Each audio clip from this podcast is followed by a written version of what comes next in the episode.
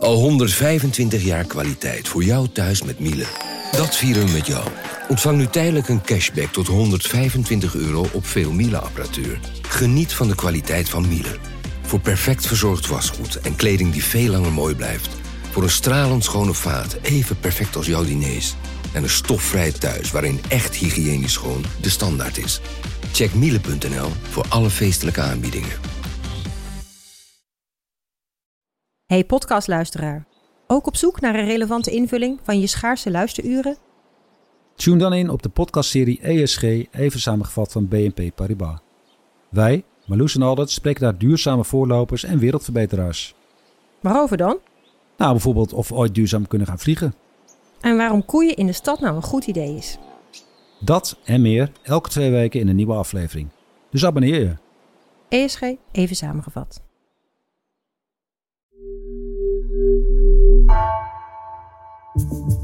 Vanaf de redactie van NRC het verhaal van vandaag. Mijn naam is Floor Boon.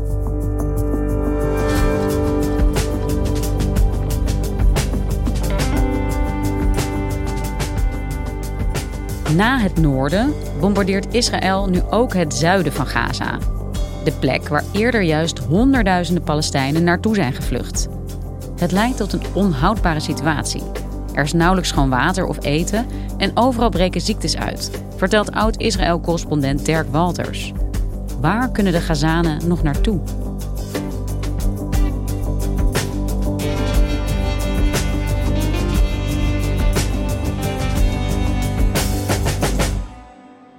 Now I live in uh, Rafah city. Uh, this is the seventh time I moved or get displaced. Uh, Sami al-Ashrami, dat is een Palestijnse journalist en die werkt al tientallen jaren samen met NRC als fixer in Gaza. En uh, een fixer, dat betekent dat je als, je als Nederlandse journalist naar Gaza toe gaat. Uh, dan werk je samen met een, een, lokale journalist die dan toch eventjes wat handiger is in het, ja, het rondrijden, het leggen van contacten als je iemand wil interviewen. Sami die is geboren in, in Gaza, een man van, van 56 die daar al zijn hele leven woont en werkt. Hij woonde altijd in het noorden van Gaza, maar sinds de aanval van Hamas op Israël op 7 oktober en de bombardementen van Israël daarna heeft hij moeten vluchten, net als heel veel andere mensen in, in Noord-Gaza. The war started on the October 7th and uh, on Saturday and then we had to move from uh, Jabalia camp and uh, the northern area uh, to the south on Friday morning. De, de, aanvallen van Israël die vonden eerst vooral in het noorden plaats. Um, dus de, zowel de luchtbombardementen als ook de, de inval met tanks. And in that morning we decided to move because the war was intensive and aggressive. Dus uh, Sami die moest dan uh, ja, met zijn gezin zuidwaarts vluchten, maar hij belandde eerst in het midden van de Gazastrook.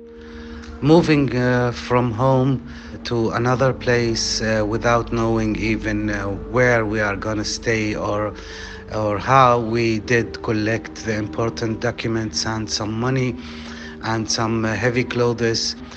So uh, immediately I took uh, my father and mother because they can hardly move and took my daughters and moved to the south. En daar vond hij een bevriend gezin waar hij, waar hij kon schuilen.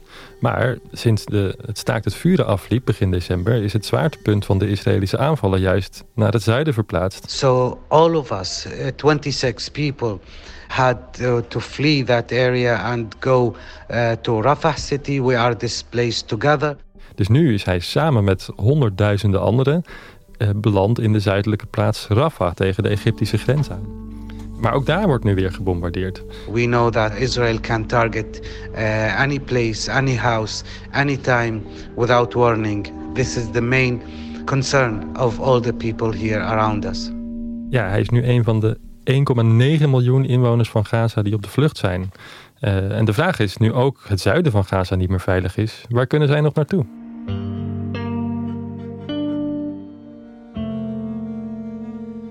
Ja, Dirk, ik probeer heel even tot me te laten doordringen wat je hier allemaal zegt. 1,9 miljoen mensen zijn op de vlucht. En ze hebben inmiddels geen plek meer om naartoe te gaan. Hoe is de situatie daar nu ter plekke van Sami in Rafah? Ja, kijk, Sami heeft in die zin nog enigszins geluk gehad dat hij door zijn werk als journalist heel veel contacten heeft in de hele Gazastrook. We managed to find a house of a relative of this family and they hosted all of us in their house. Maar hij zegt zelf ook, daar heb ik enorm geluk mee. We are in a basement with very good condition comparing with the shelters and tents. Uh, we are in a very, very good situation here. De meeste mensen die, die hebben dat gelukje niet en die moeten dan in een, in een schoolgebouw bijvoorbeeld schuilen. Displaced people in uh, Rafah are distributed all over the city in uh, shelters of uh, uh, UNRWA that hosts uh, more than uh, 7,000 people each uh, school. En daar zitten ze echt hutje mutje met heel erg veel mensen bovenop elkaar. Dus hij vertelt over schoollokalen waar, waar vijf gezinnen samen in één klaslokaal zitten. And also in uh, local schools, governmental schools, uh, that also uh, host the, the same number. En dat is als ze al een dak boven hun hoofd hebben. Er zijn ook allemaal mensen die hun tentje dan bijvoorbeeld weer in de tuin van de school moeten opzetten. Uh, ja, je moet je voorstellen, Rafa is een, is een plaats van 200.000 inwoners normaal gesproken. En er zijn er nu al honderdduizenden bijgekomen. En de verwachting is dat het inwoneraantal van Rafa tot boven de 1 miljoen zal stijgen.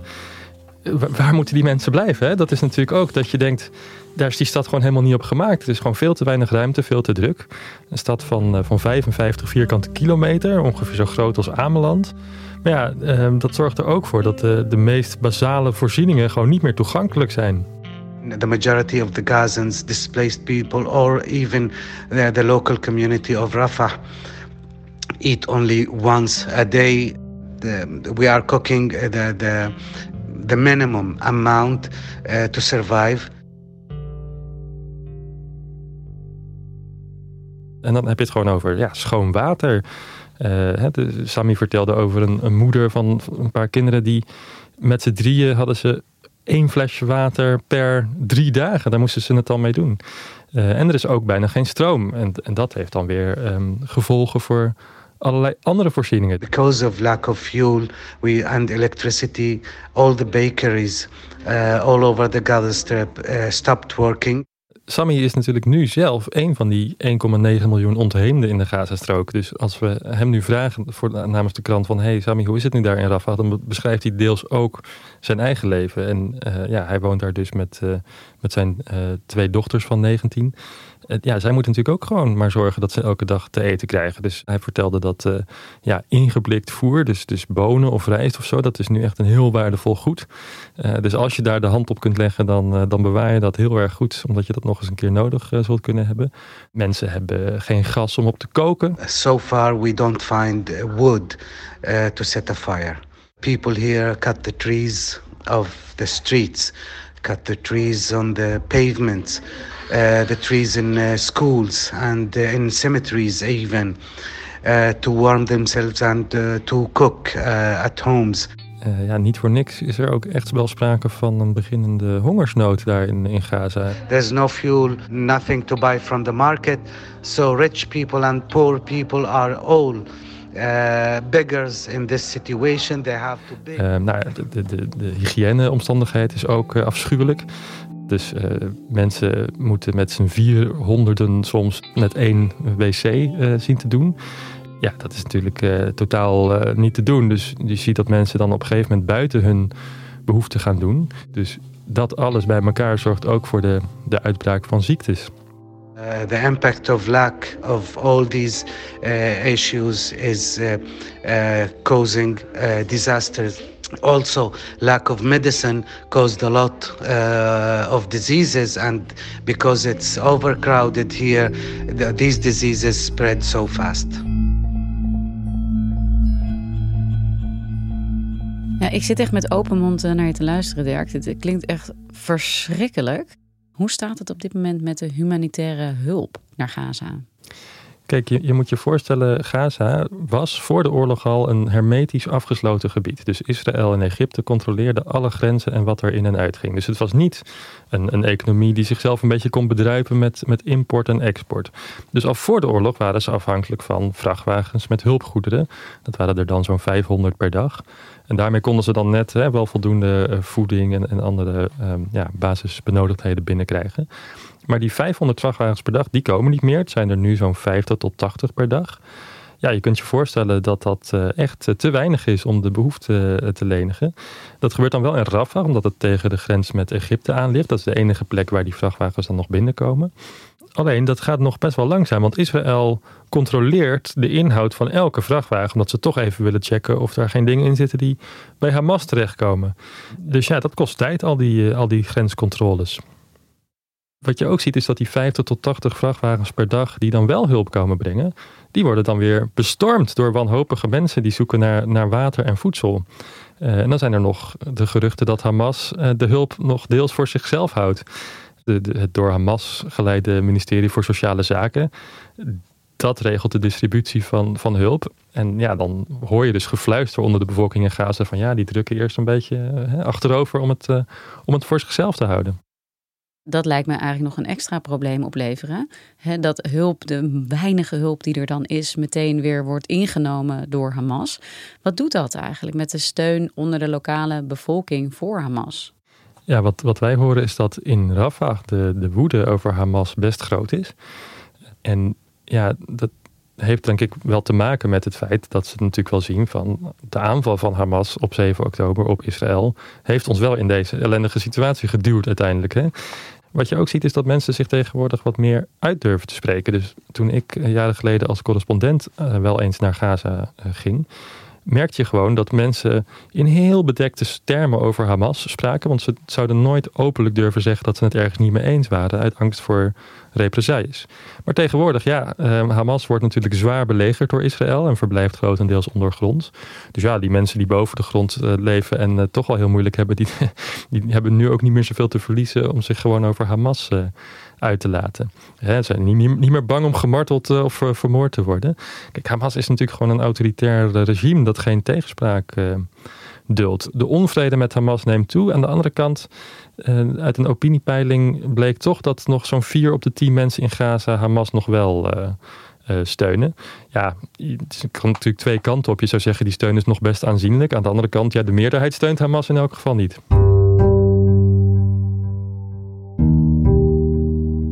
En als we even blijven bij de mensen in Gaza. Je vertelt net dat ze steeds verder afzakken naar dat zuiden, dat ze steeds verder teruggedrongen worden. Kunnen ze nou eigenlijk nog ergens heen? Uh, ja, kijk, Rafah is de, de, de, meest zuidelijke plaats van, van de Gazastrook. En uh, ja, het enige ten zuiden daarvan is Egypte. En daar kunnen mensen niet naartoe, want de, de grens is dicht. Maar daar moet ik dan wel bij zeggen, ze willen over het algemeen ook helemaal niet uit Gaza. Meer dan de helft van de inwoners van Gaza stamt af van mensen die in 1948 verdreven zijn uit wat nu Israël is. Eh, en er gaan verhalen rond in Gaza dat, dat het Israël misschien wel niet verkeerd zou uitkomen dat de Palestijnen hun land helemaal zouden verlaten. Die mensen die willen zich niet nog een keer laten verdrijven. Dus eh, ja, ondanks hun ellendige situatie zijn ze dan toch nog wel standvastig om in elk geval binnen Gaza te blijven. En hoe moet het dan verder? Dit moment ja, is er gewoon niet zoveel uitzicht op een, op een oplossing. En dat heeft ook wat te maken met het doel dat premier Netanyahu zichzelf heeft gesteld. Want Israël heeft één belangrijk doel en dat is Hamas uitroeien. Hè? Dat zegt Netanyahu keer op keer. Alleen, um, ja, de vraag die steeds meer naar voren komt, ook internationaal gezien, dus zelfs de bondgenoten van Israël zeggen Israël heeft het recht om zichzelf te verdedigen. Alleen nu vallen er toch wel zoveel burgerslachtoffers in Gaza. Is dat dan nog wel zelfverdediging? Of is het inmiddels meer een soort aanvalsoorlog geworden? Nou, dan heb je natuurlijk de Verenigde Naties eh, die zich daar dan uh, over buigt. Afgelopen week was er nog een stemming in de VN. Inmiddels is er best grote steun voor een, een, een bestand in Gaza. Ja, alleen Nederland onthield zich daar van stemming. Waarom was dat eigenlijk? Demissionair premier Rutte gaf als argument dat er niet voldoende oog was in de resolutie voor de, de aanval van, van 7 oktober. En die had steviger veroordeeld moeten worden wat hem betreft. Maar nog belangrijker dan de Nederlandse positie is die van de Verenigde Staten. Dat is Israëls belangrijkste bondgenoot. Die hebben gewoon tegen de resolutie gestemd. Dus die vinden dat Israël echt nog uh, volledig uh, door mag vechten. Wat je wel merkt, ondanks die tegenstem, is dat uh, publieke uh, ja, officials van de VS... die beginnen wel ja, wat kritischer te worden inmiddels. Toch wat druk uit te oefenen op uh, Netanyahu. Dus de Verenigde Staten willen wel een beetje voorkomen... dat het zo'n soort eindeloze strijd wordt. Heeft dat dan ook effect op Israël? Nou, op dit moment is de, de oorlogsstemming in Israël behoorlijk groot.